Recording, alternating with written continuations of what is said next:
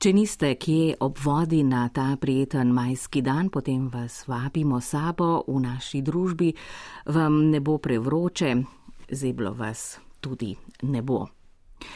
Sprehod po obrežjih reke Ljubljanice nam odstre zanimivo povezanost mesta in vode. Ta povezanost se kaže na različne načine. Po reki plujejo turistične ladice, čez njo se pnejo številni mostovi, z reko so povezani legende in mitološko izročilo, zato ne preseneča, da so na Galusovem nabrežju ob Akademiji za glasbo v Ljubljani leta 2019 odkrili kip Ekvorne, starodavne koliščarske boginje Ljubljane in Barja. Njen kult je bil tako močan, da ga niso mogli pregnati niti poznejši osvajalci Rimljani, ki so tu postavili rimsko mesto Emono, predhodnico današnje Ljubljane. Prebivalci Emone so omenjeno boginjo poznali pod imenom Ekvorna. To naj bi pomenilo vodno ali rečno gladino in tudi ravno površino oziroma nižino. Mi pa bomo odkrivali še eno povezanost mesta in reke oziroma mesta in vode in to so vodnjaki. Več o ljubljanskih vodnjakih v oddaji Nedeljska reportaža njen avtor je Milan Trobič.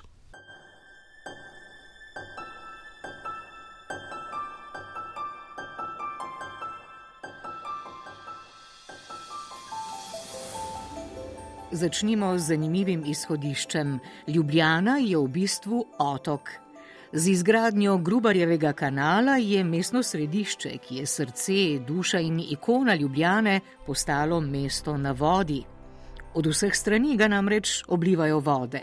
Tu je Ljubljanica, ki so ustvarja in poplavlja Ljubljansko barje. Ljubljana pa se je že približala tudi reki Savi, ki povezuje vodno obširen slovanski svet. Hkrati pa je to neka reka, ki je mogoče malo manj prijazna, meni profesor Janez Kožel, arhitekt, podžupan mesta Ljubljana. Njene vode so bolj divje, bolj naravne. Ampak vendar je to reka, na katero so prebivalci uh, mesta zelo navezani, ne? kot del narave, ki pravzaprav teče mimo mesta, ampak uh, kjer se srečujemo s malo divjimi vodami. Mogoče, In potem so še druge reke, ne, kot so Gradaščica, Mali Graben, ki so mal grozeče, ki po njih pretečejo deroče vode iz eh, gorovodno ležečih eh, dolin in eh, višin tudi, ne, z gričo, ne, in se potem to vodovje nekako pretaka skozi mesto. Ne. Zato je tudi mesto ogroženo od voda. Ne. Vedno bilo v zgodovini in seveda ostaja tudi na ta način povezana z vodo. Skakaj, Ljubljana je zato upravičeno eh, mesto na vodi. Ni tako kot so Benetke ne? ali pa Stokholm, recimo, ne? ali pa Kemnhavn, mogoče tudi, ne? ampak je mesto, ki je vse čas nekako uh, navezano na vode, namreč da je preplavljeno z njimi. Ne? In tako je bilo tudi v zgodovini. Ne? Ljubljana je bila vendar pristanišče. Ne? Pomembno pristanišče zdaj, da mi je padlo na pamet recimo neka Salendrova ulica, ne, ki vodi k bregu, ne, tam so stanovali recimo holandski trgovci, ne, holandci, hočem reči, ki so vezani na vodo, kot neka kultura, ki je bila več čas vezana, vezana na vodo, tako kot zanimivost. No. Ljubljana je, to se pravi, bila pristaniško mesto, ne, od, od nekdaj, ne, od, od antike. Ne. In um, nekako ohranja še dan danes to navezanost. Ne. Reka je izgubila seveda stik z mestom, govorimo o Ljubljanici, ko so jo obzidali, ne? ko so spravili to betonsko korito ne? in, in ta neposredni stik te nevarne reke, ne? na reke, ki tudi mesto preplavi, ne? poškoduje, ne? v kateri se tudi utone. Ne? Je seveda potem z izgradno zapornic dobilo eno mirnejšo, mirnejši tok, bi lahko rekel, ne? mirnejšo naravo, ampak vendar se je nekako spustilo pod mesto. No? Mesto je izgubilo neposredni stik, ampak za gradnjo mostov, ne? za gradnjo brvi na Ljubljanici smo jih zgradili kar devet, recimo v zadnjih 15 letih, ne? in te dopolnili mostove, ki so že obstajali. Ne? Je mesto preko mostov povezano z reko. Namreč ti greš čez most in potem si nad vodo. In seveda vedno čutiš, da si nad vodo, si nad vodnim elementom, vedno se ozreš po reki, na obeh stranih. In tudi mesto potem opazuješ iz vodne perspektive. Ne?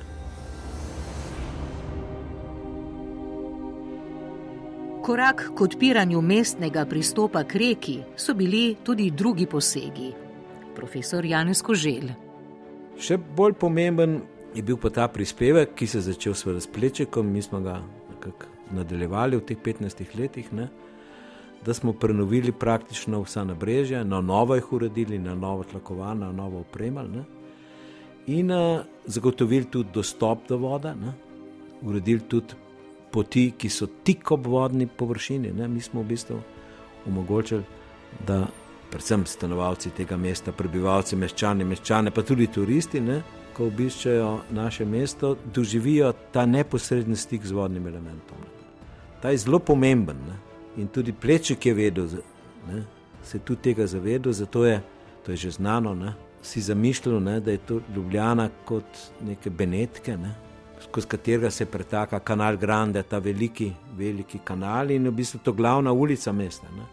Zato je tudi obrnil pozornost ne, na to tako imenovano vodno os in s svojimi ureditvami, ne, mostove in predvsem recimo s ureditvijo Tanovskega pristana, kako nekako zbližil mesto.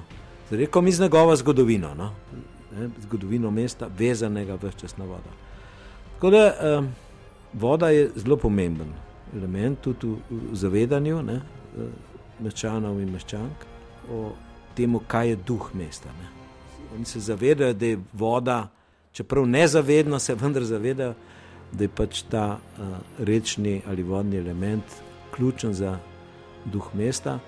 Ne glede na to, da se seveda v zdaj zadnjih letih, vročih poletjih, ne, s tem, da imajo zdaj možnost odprto, ne, tudi na teh splavih in splavnicah in uh, uh, novorejenih poteh, ne, uh, lahko te vode tudi dotaknejo, no, jo lahko gledajo, ne, uživajo v tem toku nenehnem. Ne tem tihem toku voda, ki imajo nek simbolen tudi pomen ne, in so prostor za kontemplacijo, za razmišljanje.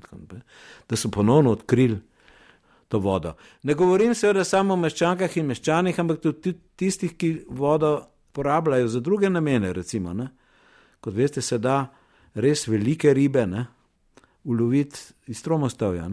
Takrat je tudi ta mestni ribolov se razvil, da ne govorim, da se na Ljubljanici prirejajo regate, ne? da prihajajo recimo, klubi iz, iz obale, ne? iz Primorja, iz Kopra in iz Izole, da organizirajo regate z najmanjšimi jadrnicami, ne? z optimisti na Ljubljanici. In pa seveda tudi drugi, ki so odkrili uh, ta počasni tok, je, ne? ki je zelo primeren za uh, druge oblike. Eh, vožnje po njemu, ne? bodi si z lastnimi plovili, ne? bodi si supi, tako imenovanimi deskami. Ne? Zdaj čakamo se še ne? na to, da se izboljša uh, biološko stanje voda, ne? da se zmanjša stopnja onesnaženosti pod tisto uh, idealno mero, ne z izgradno kanalizacije v Dragomeru, ne? gorvodno, in uh, da bo postala tudi reka. Ne? v kateri se kopamo. Ne?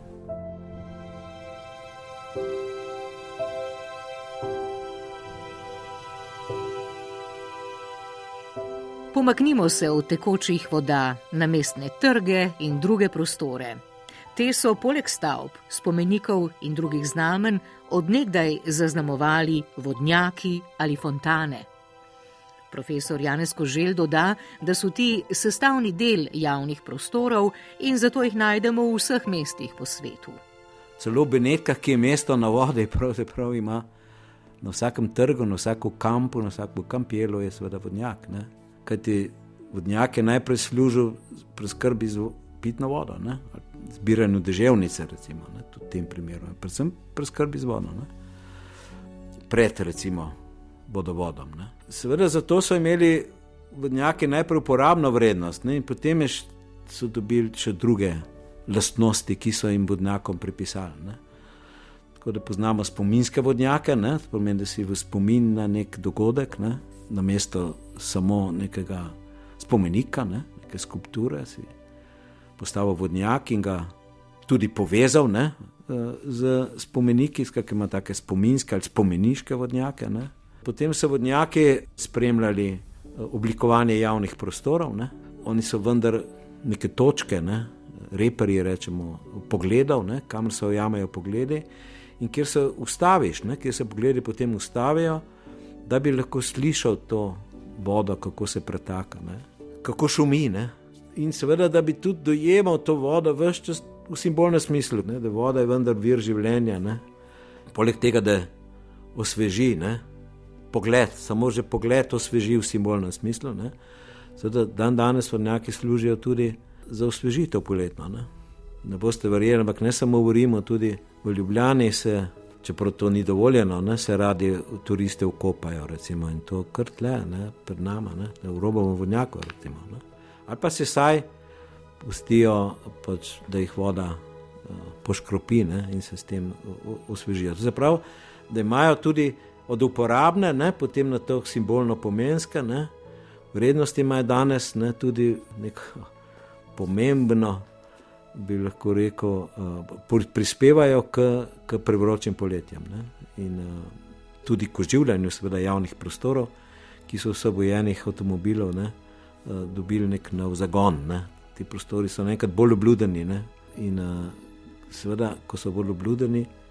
Ved, vedno več ljudi išče ta prostor, tudi med, uh, v prostem času, ne, celo med časom dopusta, ne, da je to nek prostor, ki ga poskušajo doživljati kot arhitekturno celoto, ne, katerega del je pa vedno tudi uh, vodnjak oziroma fontana. Tako da imamo tudi nekaj kar lepih stvari, to seveda robo vodnjakih presega vse, ne, to je izjemno delo. Ne.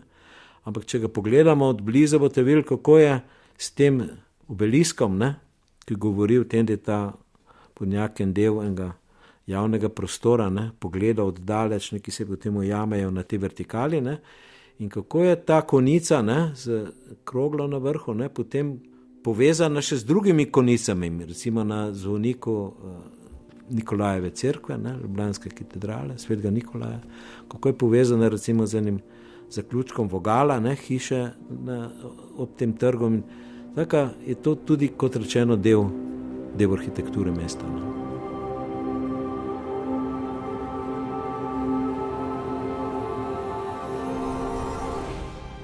Kaj pomenijo ljubljanski vodnjaki za samo podobo mesta? Profesor Janez Koželj pravi, da imajo enak pomen kot naprimer v večnem mestu Rim. Vodnjaki pač imajo dolgo zgodovino, ne, od antike, ampak najprej nekaj pomenijo ljudem. Zdaj, kaj jim pomenijo, jih je treba vprašati. Ne. Ker vsak vodnjak z vodo ne, in z obeležjem, ki mu je dodano, ne, pač nekaj skuša povedati. Ne kako ljudje doživljajo na različne načine. Seveda, Ampak uh, doživljajo pa vendar jih vsi kot del kompozicije javnega prostora.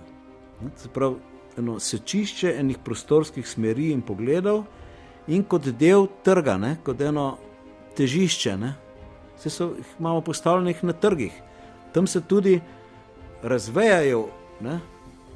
poti, kot so pač se razvejale ulice, ko so se gradile. Ne? So bile na točke razvejanja.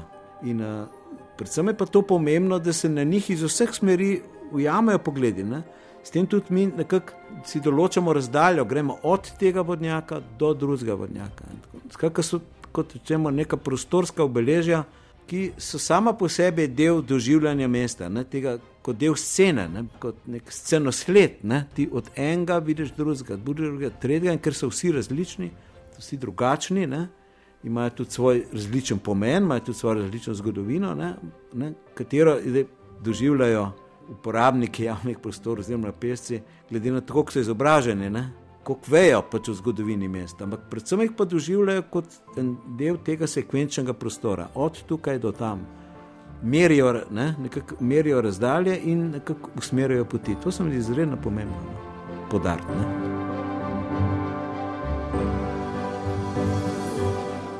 Magister Gojko Zupan, sekretar v Informacijsko-dokumentacijskem centru za dediščino na Direktoratu za kulturno dediščino Ministrstva za kulturo, je pripričan, da so vodnjaki ključen del tako imenovanega mestnega nakita oziroma tiste mestne opreme ali mestnega pohištva, ki je žlahten del sobivanja. Se pravi, vseh teh javnih površin, zlasti trgov, ulic, in uh, jih pogosto razumemo kot nekaj samoumevnega, čeprav to niso.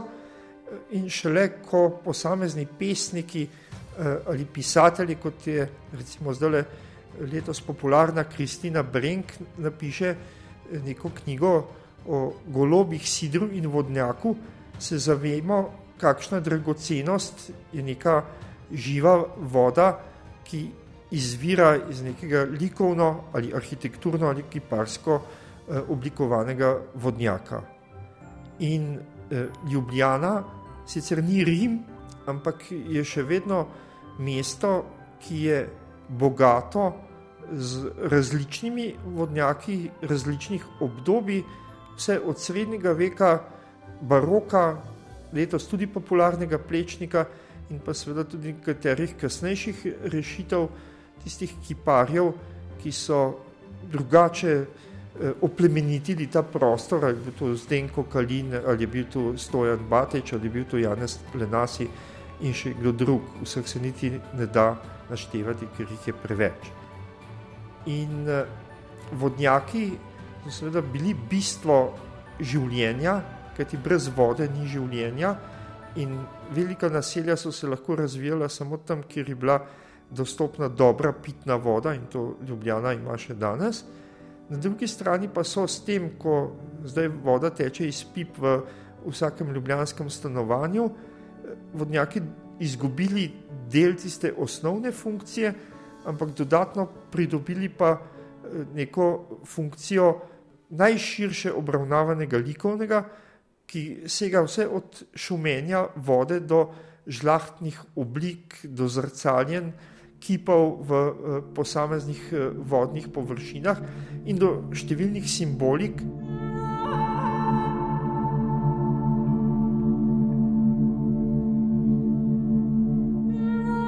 Med različnimi vodnjaki v mestu se ustavimo pri treh, ki so najpomembnejši in imajo najbolj bogato zgodovino. To so Robov, Neptunov in Herkulov vodnjak. Magistr Gojko Zupan. Ja, če smo natančni, eh, sta Neptunov vodnjak in Robov vodnjak, vodnjak z iste lokacije, že ime samo pa pove, da gre za boga vode. In tako kot je nek bog vode, nek Neptun ali Poseidon, osrednja figura eh, vodnjaka, ki je verjetno najbolj znan, se pravi Fontane Trevi, eh, je bil Neptun tisti bog, ki je lahko stal samo pred magistratom, dokler ga ni nadomestil eh, izjemni kipar Francesco Roba eh, s temi značilnimi tremi simbolnimi figurami, ki naj bi ponazarjali tudi tri kranske reke, vsekakor pa ponazarjajo neko eh, veselje do sobivanja vode, tiste žuboreče, ki žubori iz treh posod in tistega zrcala, v katerem se zrcalijo potem te baročne figure iz kararskega marmorja in pa da gre za neko simboliko, ki nadgrajuje pomen tako magistrata, kot tistega osnovnega pogleda, ki ga snemajo vsi turisti eh, za svoje razglednice, robov vodnjak, ki se nariše pred zvonike Ljubljanske katedrale. Delno pozabljena ali pa manj znana je zgodba Herkulovega vodnjaka, pa bi morali, če se spomnimo, kako pomemben je bil eh, Herkul kot eh, človek, ki je s svojimi junaškimi dejanji se pa uspel med bogove in da je bil to tisti baročni eh, junak, ki ga poznamo iz vseh eh, fresk od Dornave do slovenske bistrice in pa da tega istega Herkula, seveda podvojenega, srečamo vsak dan, kadar se sprehodimo mimo ljubljanske tržnice v teh dveh tršatih pocovskih figurah eh, semenišča in da je bistvo tega ravno simbolika, kako je ta močni človek nadgrajen z duhovnostjo, že z napisom Virtuti Emusis, in podobno so meščani želeli pokazati, kako oni sami, kot neke vrste nasledniki Herkula, premagajo vse težave spomenikom, ki je bil prvotno posvečen zmagi nad eh, Turki in turškimi upadi, in so to jasno skombinirali v neko izjemno fontano za stari trg, najstarejši mestni eh, predel srednjeveške Ljubljane. In to je potem praktično tudi ob simbolnem datumu slovenske osamosvojitve arhitekt Marko Mušič skupaj eh, s klesarjem Jurijem Renko in eh, s pomočjo kamnoseka iz Naklega poustvaril v nov vodnjak, ki je vodnjak, kjer znova teče živa voda, da razveseljuje meščane, da jih odžeja in da tisto simboliko, ki jo pogosto spregledamo, nadgradi tudi pesnik Janez Menard s svojimi verzi, ki so uklesani ob stopnišču te nove interpretacije vodnaka na starem trgu. Po nekaterih podatkih naj bi bilo v središču Ljubljane približno 45 vodnjakov. Bodo tem dodali še kakšnega? Profesor Janez Kožel. Koliko vem, ne, po na hitro, ne, so vodnjaki po starem mestu pravzaprav posod. Ne, so na trgih, ne, na trgih jih je šest, recimo, ne, potem so na ulicah, ne, tam jih je bolj malo, težko najdeš prostor na tem koridorju, ali pa so ob ulicah, ne, tam sta dva. Potem so pa tako imenovani spominski ali eh, vodnjaki, ki so spomeniki. Ne? Te so tri, to se pravi, skupaj imamo mi teh pravih fontan 13 ne, v mestu, in potem so še v podaljšku mesta, v Tivoli, ne, v njegovem parku, zgledu še tri, to se pravi, skupaj govorimo o 16 pravih vodnjakih, ne, kot arhitekturno-kiparskih obeležjih. To so te klasične. Ne. Potem smo pa seveda k tem dodali pa še mrežo pitnikov, teh je pa res čez 40 in ne samo po starem mestu, tudi izven njega, ne? tudi po teh spominov so, ampak tudi v starem mestnem jedru jih je nekaj ne? in to so predvsem na najbolj obludenih poteh, kajti oni pa omogočajo pitje vode. Pravzaprav so del pohekovanja po mestu, ne? tudi drugim. Mestnega turizma, lahko rečemo, tudi jaz sem turist v mestu, no, ne govorimo samo tujce, ki prijo k nam. In seveda jih imajo tudi otroci zelo radi. Ne? Oni pa nekako nagovarjajo neko novo kulturo, da ne jemati vodo iz plastenke, ne piti, ampak pimo zdravo pitno vodo, kajti to je del ljubljene, to je del njene primerjalne prednosti, kakovosti življenja v mestu, da pijemo iz, izredno okusno, ne? čisto izvirsko, no? čeprav ni izvirska, ampak je potalnica, ampak vendar eno čisto vodo. Ne? Kaj je to en del nove kulture, no, ki je mogoče do okolja bolj čutljiva, bolj prijazna. In je, je en del tega nagovarjanja, da imamo skrbeti za, za čisto, zdravo, pitno in okusno, med drugim, ne, pitno vodo. Zdaj tudi ta kultura se je nekako prenesla iz uh, teh arhitekturnih vodnjakov tudi na pitnike. Ne, tako da recimo, en pitnik je znan na Krekovem trgu, ne, ki je sicer tudi vodnjak, ampak je še pitnik. Ne, je zelo popularen, je ta kenguru, ta pitnik je posvečen Nobelu, če se ne motim, ne? ki ga je naredil Kipar Bratuš. Ne? To je zelo zanimivo, ne? vidim, da se res otroci se v njega vedno nabirajo, ki jih privlači taka nenavadna figura. Ne? Potem je zelo zanimiv pitnik, ki se med v Ključavničarski ulici, ne? ki je dela, del Kiparja Jakova ne? in uh, tudi med je izredno uh, zanimiv. Ne? Ker odteka potem voda po ulici ne, in pri tem srečuje neke podobe ljubljanskih meščan, meščanov. Ne. Te vode je tudi zelo zanimiv, zelo zanimiv pitnik. No. Nov tak pitnik, ki je bo kiparsko delo, bomo postavili zagotovo v letošnjem letu na trg mladinskih delovnih brigad, ne, ki je delo kiparja Puglja. Ne.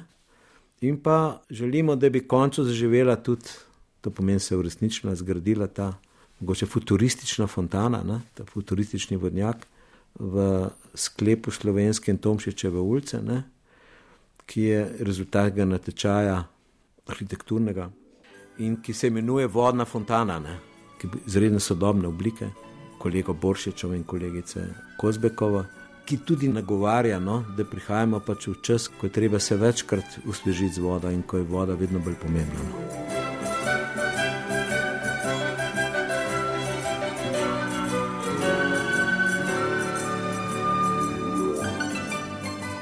Ali je v Ljubljani dovolj vodnjakov, glede na to, da je tu vedno več tudi tako imenovanih pitnikov? Magistr Gojko Zupan. Ja, osebno sem rahlo konzervativen, ne, ker delam v eh, službi za eh, varstvo kulturne dediščine in me vedno znova boli, ker ne prepoznavamo dovolj že obstoječih vodnjakov eh, in jih preredko prenavljamo ali restauriramo, pa vodnjaki bi treba zelo redno prenavljati in restaurirati, ker je voda element, ki je agresiven, ne, tudi z mrzovanjem, pozivi in podobno. Ampak še vedno je v Ljubljani veliko prostorov, zlasti trgov v novih naseljih, kjer kar čakamo ali pa prebivalci kličejo, da bi dobili neke dodatne nove vodnjake ali pa tisto, kar je najbliže najmlajšim generacijam, igrišča s čofotalniki in bi se zavedali, da voda ni nek eh, element, ki ga gledamo samo oddaleč ali ni samo za pitje, ampak je tudi element, ki so ga včasih vse generacije spoznavali tudi zaradi tega, ker je bila Ljubljana mesto vode, ker so brodili po gradašci ali pa po takrat plitvi Ljubljanici eh, in s tem pridobivali, lahko rečemo, nove izkušnje za življenje, za sobivanje, tisto, kar zdaj ponovno skušamo iznajti z modnim eh, vračanjem k naravi.